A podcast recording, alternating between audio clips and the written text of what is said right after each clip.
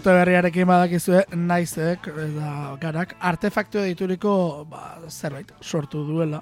E, bueno, zerbait artefaktu hori, bueno, ba, egun ez egun, egunean gertatu den horren baitan. Bueno, ba, urte zurteko albiste bilduma, zuen ekarpenak ere horregin ditzakezue, fokuren argazki bilduma ere hor dago. Bueno, ba, Iskander Fernandez ez buruetu zaio, ba, bere artefaktu propio ere ekartzea. Artefaktu musikala, Iskanderren artefaktua, hemen entzungo dugu, ostegunetan. Ez da Iskander, Gabon? Bai, hala da, e, urte barri onden hoi, e, azteko.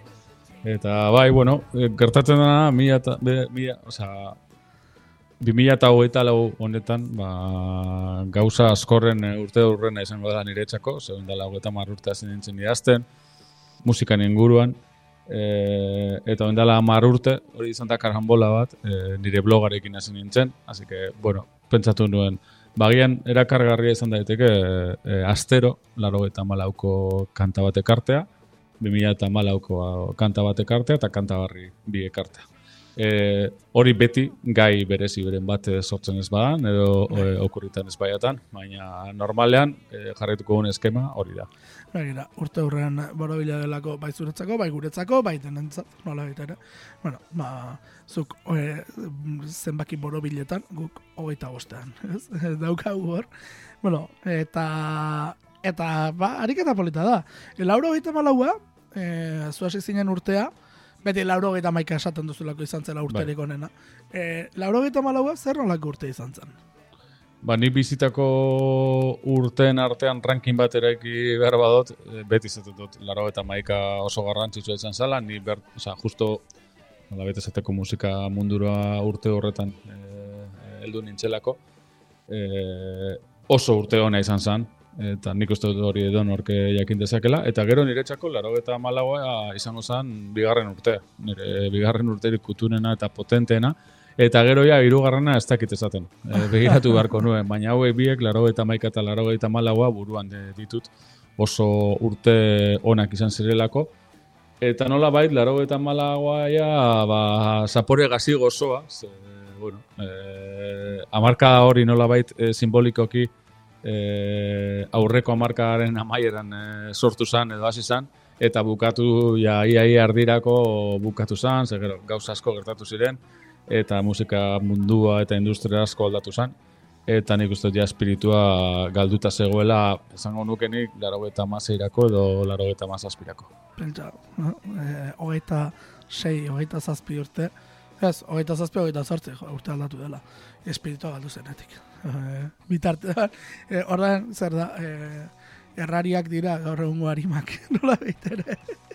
Ez, bueno, dinot, es, espirituanik ezaten dut, bueno, ba, batez be aurreko mundu hori zelan funtzionatzen zen eta eta nola jasotzen genuen eta nola bizitzen genuen era hori, ikustotea eredu hori bukatu egin zelako eta beste era batzuk sortu zirelako eta ja handik gutxira 2000 eta guretzako 2000 garren urtean edo 2000 eta bat marren urtean ja Euskal Herrian interneta gure etxetan ba, bai. normala esan eta hor bai aldaketa itxel bat etorri zala.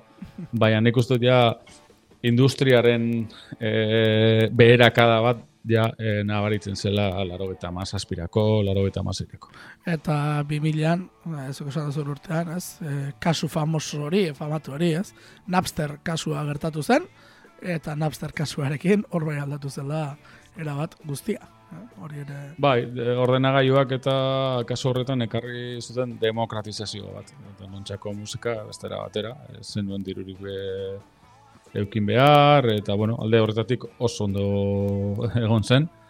E, eta egin zuena nik uste laro eta maikan azitako prozesu bateri, ez amaiera emon, baina agian abiadura gehiago sartu e, prozesu horretan, eta aurrera pauso itzel bat eman zen eta hori, nire ustez alde batetik e, gauza oso on bat izan zen, demokratizazio hori eman zelako eta esen nuelako dirua e, musika e, entzuteko, esen nuen erosi behar. E, eta bestalde, bueno, ba, nik nostalgia ez ikusten dut, nola hasi nintzen, eta bere alde honak eta erakargarriak bazitu dela, e, gen, eza, industrialekin geneukan erlazio ura, baina, bueno, e, bazituen e, bai, bere alde onak eta bere alde txarrak. e, esan daitekena gainera, bueno, gaur gauza bitxua gertatu zela, eta eta paradigma aldaketa horretan nik uste dut badela zerbait e, bitxia. Bueno, Napsteren e, aurka, A&M Records e, zeratu zela, e, argertu zela aurka, hau, 2000an gertatu zen, eta bitxikeria moduan, A&M Records, e, lauro geita emeretzian desagertu zela. Hau da, desagertutako disketxe bat, e, mundu berriari ukatuz, nola ere, e, kerelatu zela, edo, bueno, ez, e, jarri zela hor, ba, bere legitea eta guztia Napsteren aurka. Hori ere bitxia da, Ba, bitxia izan zen gainera industrian e, jarrera, ba, pentsetan internet ezala zer, euren kontra ezin zutela, eta go, nik uste dut, ba, bueno, betiko, ez dakite, elraldoiekin eta imperioekin gertatzen dana, ba, ez direla konturatzen ja galduta dauzela e, galdu e, duten arte. Eta nik uste dut, e, industria horrekin hori gertatu gintzela. Bai, bai, ez dago inolako zalantzarik eta eta argi geratu da gainera denboraren poderioz nola joan den guztia ez da. E, zuk ala ere esan duzu, lauro gehieta malautik hasiko duzula bideia eta lauro gehieta malauan, bueno, e, azteko eta behin, noar eta Bruce Springsteen ekarri diguzu. Bai, e, bueno, nik egin dut horrelako ariketatxo bat, e, interneten eta nire diskoetan, eta ba, bueno, horrelako eskaleta bat egiten, eta e, 2000 eta, oza, barkatu, mila bederatxiron da laro eta amalauko e, urtarriaren lauean Philadelphia filmearen soinu banda argitaratu zen. Eta zein zen e, bertan e, nagusi, naiz eta beste artista interesgarri eta eta famatu batzuk egon, ba, Bruce Springsteen, e, singela e, berea izan zen, Streets of Philadelphia izeneko kanta bat izan zen zingela. E, bueno, Philadelphia izeneko beste kanta bat basegoen disko horretan, e, zera, soinu banda horretan. E, eta ez dakit zerbaitik ez da gertzen hemen. Ah, e, bueno, gertatzen gauzak. Baina esan Neil Jaunen e, Philadelphia. Ni ari naiz e, begiratzen datu base batetan, eta agian Eh, ez dakit, ba, eskubideen eh, bai, gauza bat hemen, da, baina bai, ez da gertzen. Bai, ze hemen eh, daukat nik, e, bueno, sabizun don, Spotify, e, amarkantuko disko bat, eta nil jaungena e, ezin dentzun. E, beste guztiak entzun ba, daitezke. Kuriositatez, e, taidalen e, bakarrika hartzen dira zazpi kanta, eta justo gaur nik ez dut nire... Begira, ba, bueno, es, esango ditugu ez, bestak... Bai, amar ziren, eta badau neil jaunen bat, gero dauz Spin Doctor, Seid, eh, Indigo Girls eta Sade, bueno, eh, Peter Gabriel, Maria Callas, Gabriel, bai. Maria Callas, Maria Callasen, bai, Maria Callasen. Hau da bitxikerietako bat akaso disko honetan, ez? Eh, bai, bueno, nik esango nuke hori grabatuta zegoela, dinot, ez zala grabatu eh, diskorea entzako, baizik eta, bueno, badago, gogoratzen dut estena bat, zinean ikusi nagoen bere garaia, dela, hogeita mar urte, eta nik uste dagoela estena bat non musika entzutenan, edo agian e, zera operara joaten ziren, ez eta hortik ataratako e, zera, e, tarte bat da. Baina, bueno, e, Streets of, of Philadelphia buruz e, itxe egiterakoan, ba, arrakasta itxela izan zen, ez dakizen bat bider ikusi genuen NTV-en, eta, eta, bueno, ja, estatu espainolean e, ETV ere bai, e, existitzen ziren bideoklip e, saioetan, telebista saioetan. Orduan baziren. Bai, ba zeuden, bai, gaur egunez, eta espaldi ez dauzela, baina bai, gara hartan ba zeuden, ez dakit. E, goratzen dut ikimilikili klip izeneko bai, bat, eta bai. eta gero e, La Dozen, televizioan espainolan, e, klip klap bideo, eta bueno, beste batzuk egon ziren, zen guztiak ez ditutu goratzen, gero, bueno, pribatuetan, bai, los 40 baseukan bere, bere mini NTV-a e, Kanal bai. Plusen, eta gero NTV-a. Eta, bueno, mila bat bidera gertu zan, E, gaur egun kanta entzun da, nik, niri iruditu zait asko behagoa bere garaian baino. Baina egia da, bueno, bere garai hartan euskala, ondino, ez euskala goi urte. Eta, ja, bueno, magian hau e, esaten dena, ba, nagusiei bidiratatuako kanta izan daitekela ere, bai. E, Streets of Philadelphia oso, ustakit, oso iuna, oso geldoa, era berean oso epikoa.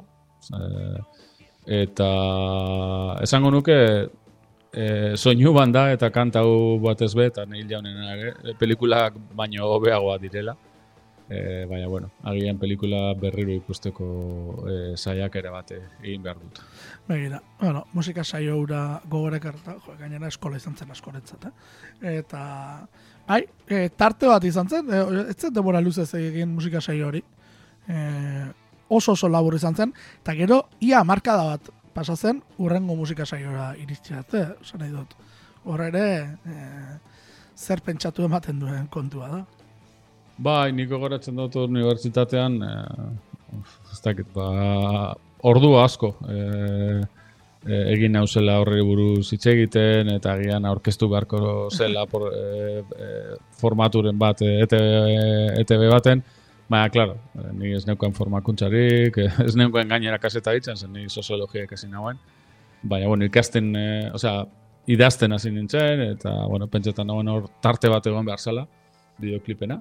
Baina egia da, hor, e, amarka horretan, bigarren erdian, musika, zera, e, e, zera, e, leku asko galdu zuela e, komunikabideetan, eta, bueno, zuk lehen esan duzu, ba, garak hogeta bost urte betetzen duela, ni gararen parte izan nintzen e, urte askotan zehar, eta garan ere ba, ikusi izan, e, agian gizartearen e, izpilua dalako gara ere bai, baina garan ikusi izan, zelan musikak, e, ba, bueno, bere, bere lekua apurbet galdu egin zuela, eta eta atzerako bide bat e, hasi izan.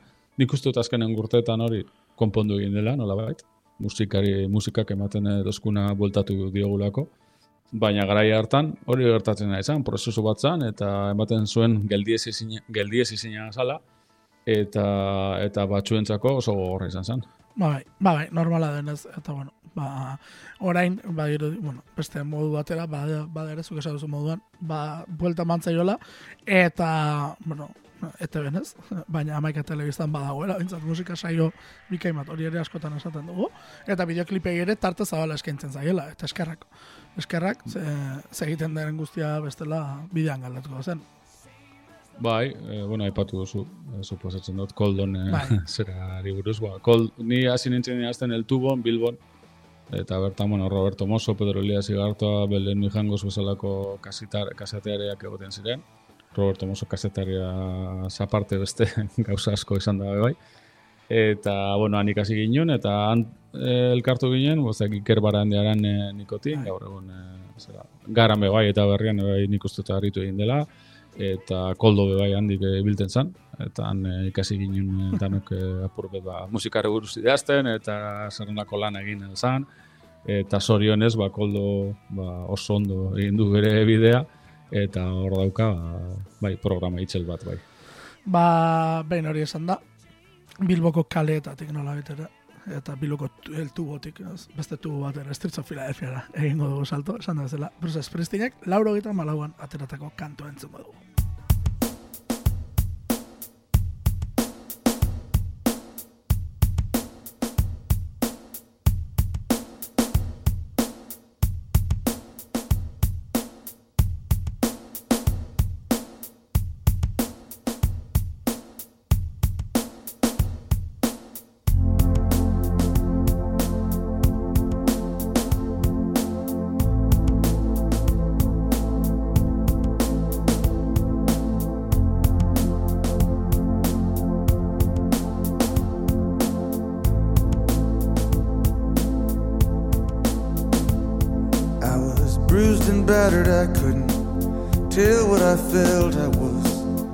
Unrecognizable to myself. I saw my reflection in a window and didn't know my own face. Oh, brother, are you gonna leave me wasting away on the streets of Philadelphia?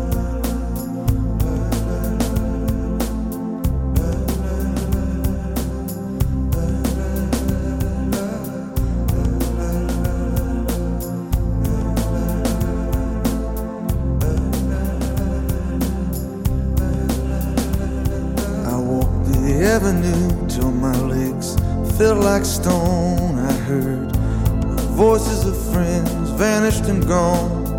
At night I could hear the blood in my veins, just as black and whispering as the rain on on the streets of Philadelphia.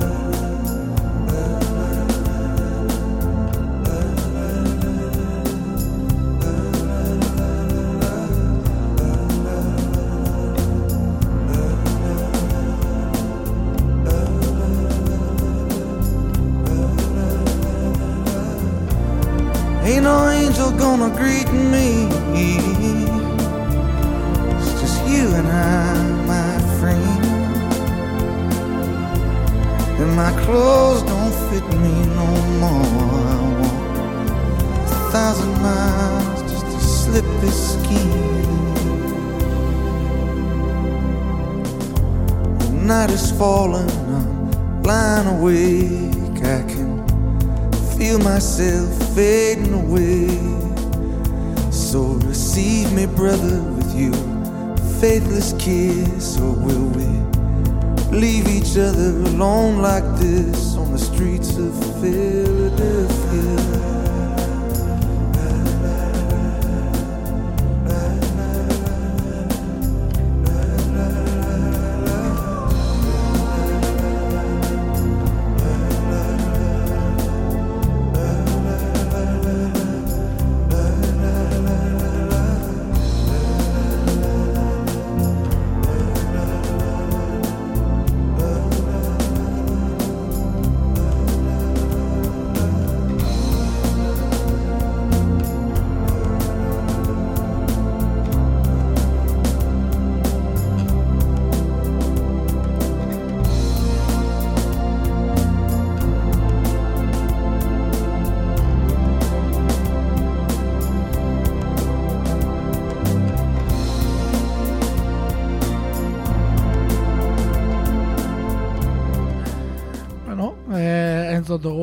Eh, kantu nahiko bukleko kantu horietako bada, ez? Eh, ez dakit, ze estenatan sartzen da pa, kantu hau?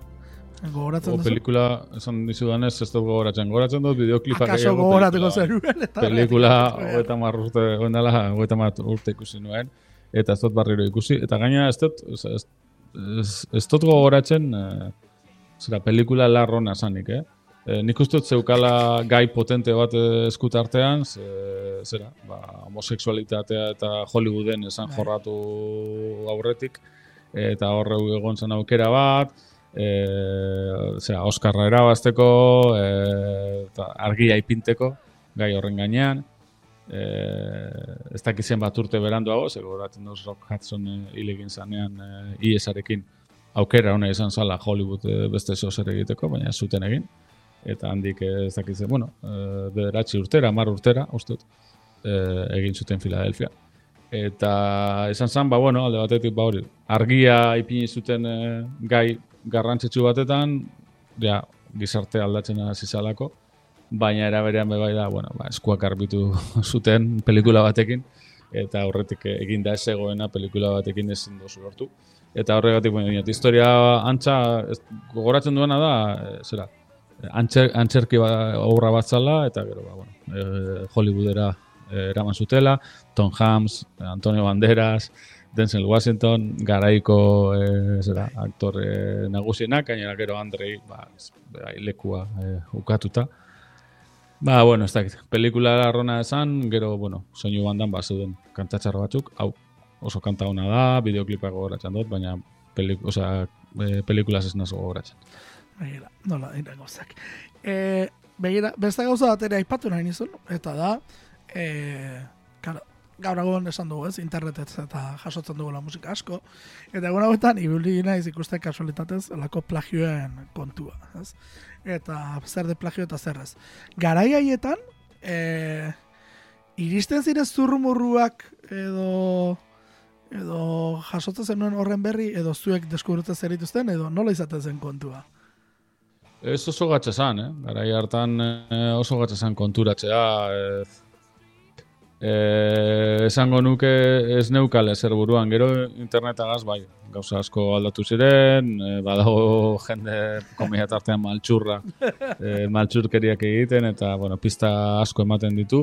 Zutan nire artean, eh, antenatik kanpo bai, batzutan komentatzen ditu gauza Bai. batzuk, batzuk sorpresa jasotzen dituguna Bai, eta eta beste batzuk ba bueno holan eh, aberrik erentzun hau, edo aber izkander entzun hau, eta esan, eta gutxitan, ba, ba, ba, bueno, el, leku bardinera heltzen gara, baina gara hartan, nik uste interneta aldatu zituela pilo, gauza pilo bat.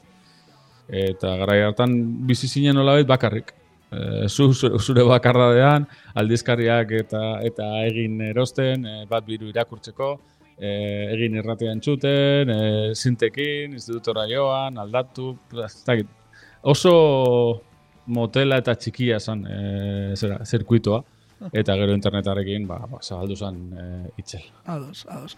Ez, kasualitatez, erik esaterako, hori, ba, hori begira eta aste horretan bizpairu kantu horla, ui, e, entzun ditut eta eta kasualitatea, e, izen potolo bat e, errepikatu da ben baino gehiagotan. e, estadioak betetzen ibili den ahiaz, e, horrela esate baldin badizuta kaso errezago. E, e, ez dakit, esprestin bera ez, baina Obama bai, etorri zela, haiek ikustera. E, hemen Europa. Bueno, ni beti, beti ditu talde bi, e, eta euskal artista bat be bai. E, bueno, euskal, euskal herrikoa, euskal artista ez dakitan edo ez dan. Baina beti, eta izena botako da, zeberdin zait. Coldplay beti agertzen da. Leku, leku guztietan agertzen da Coldplay, da oso mitikoa, baina meti, oindala ama urte, bai, Bai, agertzen bai. zen leku Ni, guztietan. nik ez nekien Joe Satrianiren kantuarena esaterako. e, Gero estatu espainolean eh, beste batzuk beti agertzen direnak dira Amaral, Ah, begira. e, beti agertzen dira zerrenda askotan, eta, eta gero dik e, esango nuke e, zera, Mikel Erentzunek bai gauza batzuk egin dituela bere, bere bakarkako bilbidean. Begira. E, horrek irure nire zera, oza, nire esperientziatik esaten ditut, baina egia da gero agertzen direla leku askotan. Begira. Sa, saretan orain badaukazu da, eh? zer bilatu. Jarri, e, oiek eta plagio, eta ikusiko duzu, zer gauza agertzen diren. Ze, bai, agertzen dira, eh? Asko, gero betikoa da, eh? zer da plagio eta zer ez. Horre ere, eh, akorde Bai, bai, bai, progresio oiko xamar bat baldin bada, eh, hori ez da plagiotzat hartu behar. Baina, ja, beste gauza batzuk. Eta Coldplay gainera eh, mila gudu judizial izan ditu. Eh, bueno, askotan juizio, juiziotara ez da iristen, bere izen hona zikintzerren. A- konpontzen dira lehenago.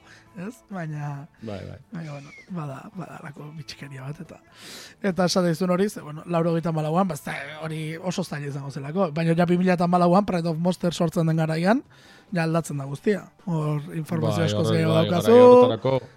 Bai, bai, bai. Nik uste dute interneten lehenengo urteak, estatu batuetan harinago izan zen, laro eta margarren markadako amaiera horretan, eta hemen, ba, ba, zera, eh, mende hasieran, hor estanda bat egoten da, informazio pilo bat dau, eta nik esango nuke hasiera horretan informazio normalean sinisteko modukoa zala. E, gaur egun gertatzen ez den moduen. E, Klar, hor zegoen, ba, aurre- aurrela saldukot, baina friki pilo bat, euren momentua itxaroten, eta internet eh, momentu hori eskaini egin zuen. Eta ba, zegoen jendea informazio onarekin, eta interneti esker, ba, informazio hori zabaldu zen. Eta, Eta- MySpace bezalako toki bat Hori, sortu zen. eta nik uste dut oso garrantzitsua dela Bai. eh, eta, eta fa, nik, egia esango dut, eh? nik eh, nola ere faltan botatzen dudan plataforma bat bada. Nola ere esan dut, ze oso sare sozial espezializatua bihurtu zen, naiz eta izatez, ez zen musikarientzako hasiera batean. Esan dut, Ez esan musikarientzako, gero bai, holan geratu zen. Nik geratzen, gogoratzen ditut txatak eta IRC-ak eta horrelako lekuak eh, hor asko mugitzen zen, de hecho, bueno, MP3 eta hortik sortu zen, eta hortik eh, zabaldu zen mundu guztira. Eta hor bai, zegoela, lo que pasa que, bueno, ziren garai ezberdinak eta oso oso formatu deserosoak. Ze, gogoratzen ditut, txat eh, gelak izten zirenean, bertako informazio guztia galtzen zela. karo, Orduan, torpa, topatzen bazen norbait, e, ordu askokin eta ordenagailua piztuta eukin zauena eta gainera interneteko, interneteko konexio ona zeukana, ba hori azkenean jefea bilakatzen zen. Ze, zegoen hor denbora guztien eta, bueno, horrelako kristoak egoten ziren. Baina, bai, bueno, momentu berezia, oin ja oso, oso, ez dakit, urrun geratzen dana. bai, bai, eta, eta, interneta. eta 2008an ere, bai, ze ja MySpace eh, ia desagertuta zegoen ordurako, bai, bai, bai. E, IRC-ek segitu dute, eh? Ez, IRC izan Eta- da pixkat eh, azpi mundu hori oraindik Claro, ere, oraindik ere martxan da. dagoena. Deep Whipetik e, urbile egon. Bai, bai, eta oraindik ere martxan Bai, daude IRC-ak. 2000 eta malauan seguramente, eh, eta seguramente barik, e, zera, Spotify bebaia martxan ipiniko zen. Bai, Spotify Eta- eta... eta WhatsAppa martxan, eta... Eta WhatsAppa eta dana, bai. Beste Eh, garai bat. Bai, eta bai, zen niko goratzen dut 2000 eta bederatzean edo egindako bidai batetan nik uste dut ja e, WhatsAppa baneukala eta handik itxira Spotify agertu zela. Eta blogen garaia, momentu horretan zertzegoen. Akaso une gorenean iaia, ez? Edo ja jaisten Eh, nik- hasita. Nik esango nuke hemen gure inguruan blogak ez zirela lar garrantzitsuak izan, edo ez bentsat nik planteatu nuen moduen. E, eta ni planteatu, planteatu nuen guztia bezala berandu, eta agian apur bet jokoz kanpo. Baina, bueno, nire saiakera izan zen, ni e, garatik irtetzen naiz, eta beste enpresa baten hasi nintzen lan egiten, eta nik ikusi nauen enpresa hori itxi behar zela. Osea, prozesu oso txar batetan e, geunden, eta azkenean itxi behar zen. Eta hau izan zen nire zera, nire gimnasioa barriro, ba, nire forma berreskuratzeko, eta eta bueno, pilo bat ikasi nuen, ba, bakarrik egiten nuelako, eta idatzi zuzendu dana, ala ere egongo dira katspio bat. Baina, bueno, e, gero berreskuratu nuen barriro, zera, musikari buruz idazteko zera, aukerak, eta eta iaia gaur arte e, heldudan e, zeo zer da, zeke, bueno, azkenengo hamar urteak bertan igaro ditut, momentu, asko, momentu batzutan asko idatzi dut, eta beste batzutan eh, oso gitxi, azkenengo urteetan adibidez nahiko eh, aldenduta nago. Baina, bueno, bada artefaktu on bat ikusteko azkenengo urteetan zer gertatu da. Eta 2008an badaude disko on batzuk, baita geureak ere, eta horrik bai ekarriko ditut. Baina gaur azteko, ba, bertan eh, argitaratu dutako lehenengo sarrerarekin eh, konektatzeko zaran banetenen eh, Your Love is Killing Me entzungo dugu. Hori izan zalako, nire lehenengo kritika, eh, Pride of the Monster eh, blog horretan. Are we there izan zen disko, ez da?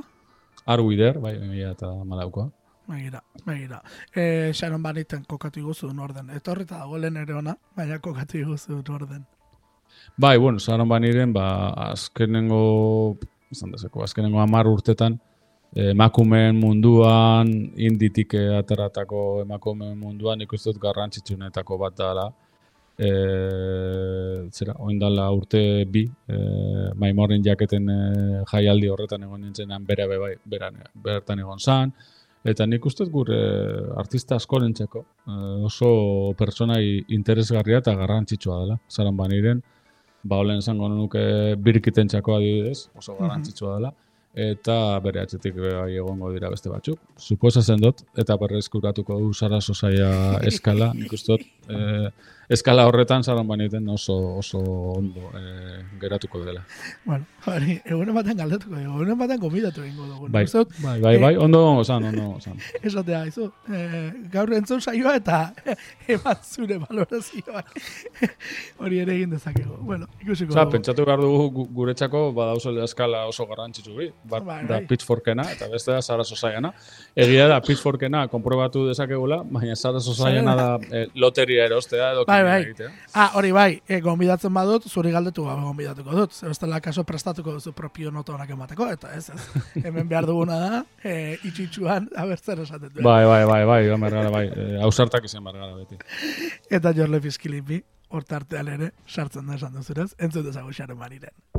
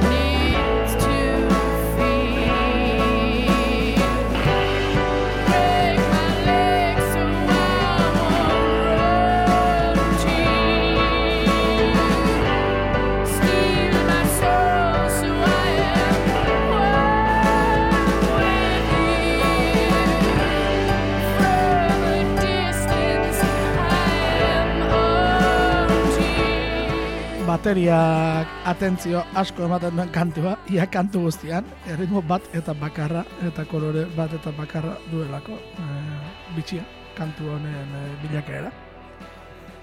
Bai, nik ez dute zaran banetenen eh, ahotsan dagoela eh, lerro nagusiena, bueno, gero, teklatuak eta gitarra ba, bere atzetik duaztela. Kantatzen duena bai eh, oso garrantzitsua da. Bueno, da betiko amodiozko kanta bat, edo, bueno, edo agian desamodiozko kanta bat, e, non zaran banetek ba, bueno, bere tripak ataratzen ditu eta guztia kontatzen dugu. E, e, kantatxarra da, Eh, nik eh, nire artikulan esaten duana eh, ziurtatzeko modua esteko orain, ze hamar urte igaro dira, baina antza diskoa ez da inona. Ados. kanta bikaina da, baina diskoa ez dau maila berean. Eta nik esango nuke kanta ezagutu nuela The Walking Dead ikusten. Ah, begira. Hortako kapituloren baten amaieran agertu zen, edo eh, The Walking Dead izan ez bazan, garaiko beste serie baten agertu izan. Begira, nola diren gauzak. E, Ari nintzen begira, eta, ba, zer, ez da gizarratek, e, Flores Welch ekarra dit baita ere burura. Flores and the Machine Ah. ekarra dit pixka bat burura. Lotura izan Bai, bai, dezakete esan bitalde bak ez da. Nik uste dut Florence and the Machine dela orkestalagoa. Ados. Eta, Eta hau lirikoagoa. Flu, bai, eta hau agian da, ez dakit, gehu, roka, eta, eta Ah. aipatu duzun bateria nik uste dute Florence and the Machine eh, kanta baten ez tekola Hori da. eh, lekurik. Bai, baina, kantatzeko bueno, bai, ba, izan eta- daiteke, garai berean agertu ziren nola bait, eta hasi-hasi dira bai garai beretsuetan. Bai. Baina, bueno, bakotxak bere bide egin du. Bai, bai, bai. Horregatik, hori burura etorri zait, eta eta esan behar nuen, naiz. E, ni hemen ikasten ibiltzen ez, eta eta maixoari galdetu behar. Hemen ez dago. Bueno, hemen ikasten dano. dan. Ikasten eta ondo pasatzen. Bai, bai, bestela alparkari gara. Hori ere, argi dago. Bueno, eta ondo pasatzen, begira, bazuk oso ondo pasatzen duzu talde horietako bat. E, segidan, e, hori etorri aurretik, e, ez dakit, beste talde kutxun bat, badak, ez, badak ez duen Euskal Herriera dorrela, zure beste talde kutxun bat, hau irakorreta beste torri eta burura, e, urtarrilaren hogeian anteros izango dela Euskal Herrian. Ah, bai, bai, bai, bakit. Ez petxatzen nuen.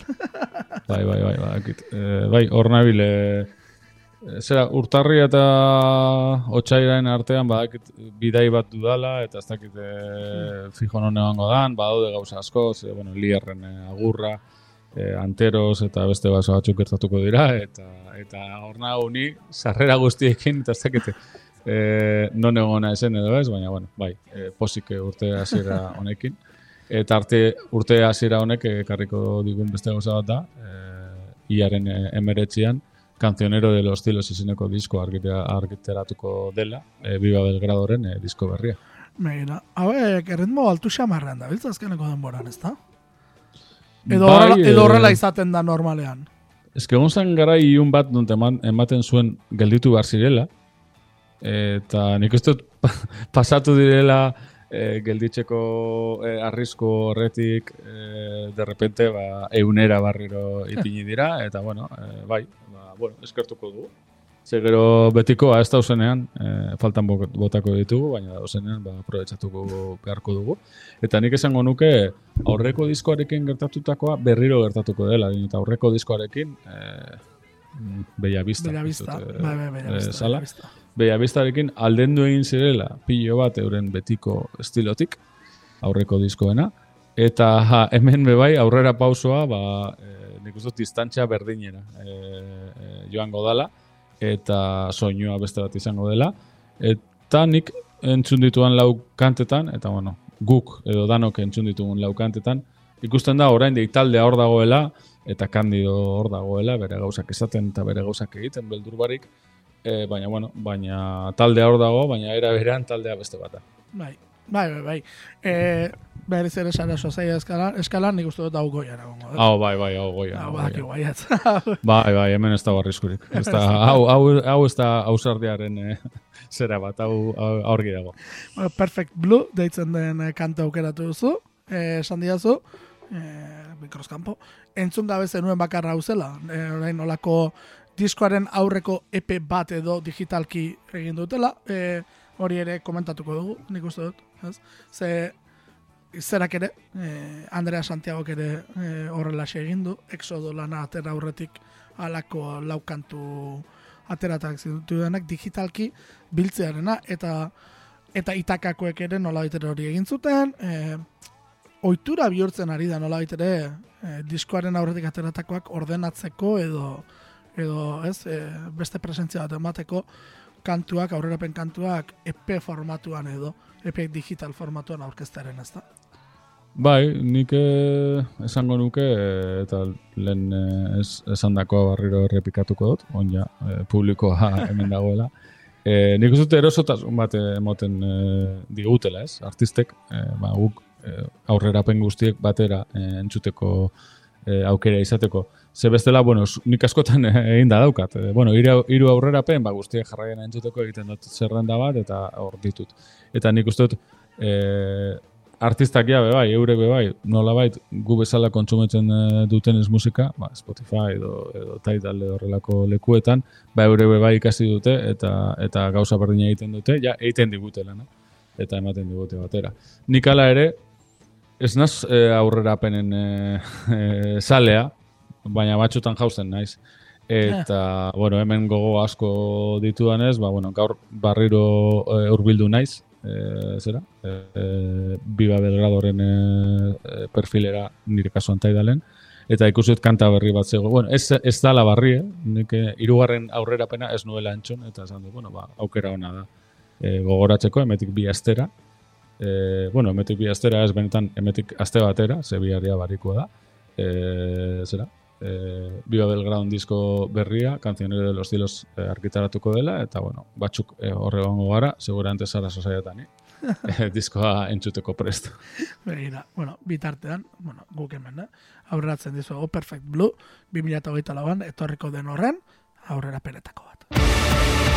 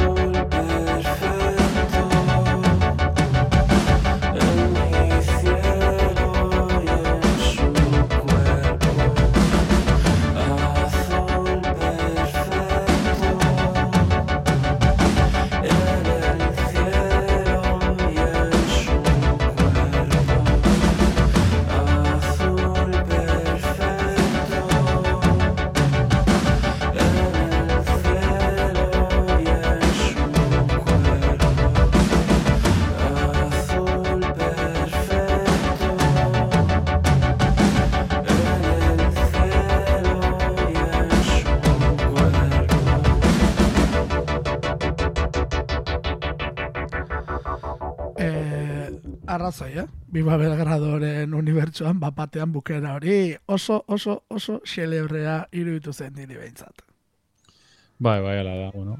eh, Esan dakoa, eh, aurreko diskoarekin ja gertatu zen, bere, soinu klasikotik asko alden duzu zirela, eta nik uste dut eh, urrats hortatik bai aldenduko direla eh, disko honekin. Baina, bueno, horrek esan nahi du, bentsat interesgarria izango dela, nik entzundakoagatik Biba del Grado hor eh, jarraitzen du egoten, eta nik uste disko honen izango dela, baina, bueno, emetik eh, ja eh, sortzi egunera, edo sortzi bederatzi egunetara eh, ikusiko du. Ea, ea, zer etortzen den hori ere ikusi beharko, ez? E, etorriko da, eta eta bueno, badatoz gehiago ere, esaterako, e, badakigulako, e, zera, datorren bestea isi eta do sound den diskoa dela, e, egun berean, eh? Etorriko da, eta, bueno, ea, zer nolako kontu. Egun berean e, gauza bitxikeri bat, eta e, ikusi dut zelan kandik igo du bere zerrenda bat, e, ez, urte honetako krasak edo horrelako zer izendatu du, eta bertan nire hande duzan e, e, Ah, kanta bai. bat dago. Igual entzungo dugu eraginen bat, gero diskoan. E, Pentsa. E, batek daki, eh? Batek daki, baina, bueno, ezin da inoz jakin, eta eta guentzat zain, eh? horren zain. Geratuko gara, eta ja, zer etortzen den, ba, batzuen eta besteen eskutik. Bukatzeko, ordea, e, zure maitasun gorroto partikular horietako bat e, ekarri diguzu, Ryan Adams ekarri duzulako. E, bada, ibilbide honetan, ez, gora bera desente bat izu artista horietako bat. E, bai, bai, momentu baten e, nire superheroi e, kutu denena izan zen, 2005, e, 2010 artean sekulako diskoak argitaratu zituen, gainera aurretik ba, neukan e, jasota ba, bere taldearekin, bere taldeoiarekin guzkitaun izeneko taldeagaz e, argitaratutako guztia ere bai, niretzako oso artista interesgarria. Gero sartu zen hor e, momentu kreatibo ilun batetan, gero etorri zen gertatutakoa, e, Phoebe Bai. Bridgesekin eta beste neska batzuekin. Eta oin ba hor dabil, e, ekarri dugun kanta So Lost, e, zera, e, ditu- e, deko izenburua. Eta, bueno, asuntoa da, urtarriaren batean e, lau e, estudioko diska argitaratu zituela e, holan, e, gaztela esaten dana, de golpe. E, lau estudiokoak eta beste da zuzenekoa. Osea, irurogeta amazazpi kanta. Egun berdinean, eta, bueno, ni hasi nintzen, ba, bueno, aukeratu nuen hau izango da lehenengo diskoa, eta hasi nintzen zuten Star Sign e, izeneko disko bat. Eta, bueno, iruditu zait, ba, lehioa zabaldu duela, artistikoki, ze, ja, urte asko eman ditu hor ilunpean e, reverbarekin e, larogeiko amarkaren e, pop rocka eta FM-a nolabait ba zeharkatzen, behin da berriro, kanta guztietan, disko guztietan, eta hemen badago, horren kutsua, baina badaude beste gauza batzuk. Tramparen bat bebai badau, ze oso kanta ona dago azkenean, azkenengo urteetan e, bere kantarik onena, Shining Through the Dark, baina, egia esateko hori kanta sarra da. E, amar urte baino gehiago ditu, baina ez dakit e, disko sartu du, agian argitaratuta zegoelako. Baina, bueno, Star Sign, izateko horrelako takada baten argitaratutako disko bat izateko, ez da disko txarra, kanta batzuk daude.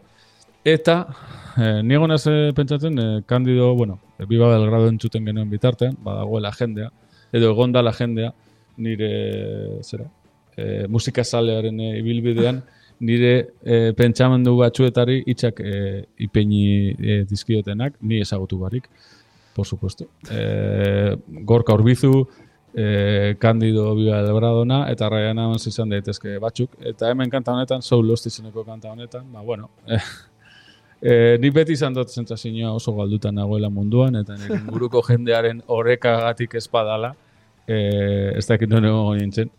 Eta horrelako beste pertsona bat ikustea, bai, bera galduta dagoela ikusteak, ba, ez dakit, ez dinote eh, ondo sentiaztaren eh, na, nauenik, baina bentsat ez naz horren txarto sentitan, eta bueno, eskertzen da, ikustea, ba, jende gehiago dagoela galdute munduan, Eta ni holan deskribatuko nuke nire bilbide guztia eta nire bizitza guztia galduta nagoela, e, behin eta berriro saiatzen nire burua e, e, kokatzen mundu honetan. Bueno, baizu. Balio baldin baizu hemen egiten duzunak eta eta horre guztiak, gu konforme, eh, horrekin, e, guri balio digulako, horregatik diot, eh, guri hemen egiten duzuna. Guk esker honez, besterik ezin dugulako jaso izkandar. Eta bueno, bazure artefaktu bere martxan jarri dugu. Eta, eta bueno, aurten urteak emango du, eman beharreko guztia. Eta, eta ea zer nolako urtea bera, bila- be- burutzen dugun, eh, 2008 lau hau. Bueno, lagundu behar digute. Eh, musika egiten dutenek lagundu behar dute, baina, bueno, bai, nik uste eh, betiko moduen urte bat luzea da, eta gauza asko gertatuko dira, onak eta txarrak, baina, bueno, gu hemen gaude eh, onenekin eh, geratzeko. Ba, horreta saiatuko gara. Iskander, mila esker gurekin izatearen. Ba, zuri iker bezarkada bat. Beste bat bueltan, aio.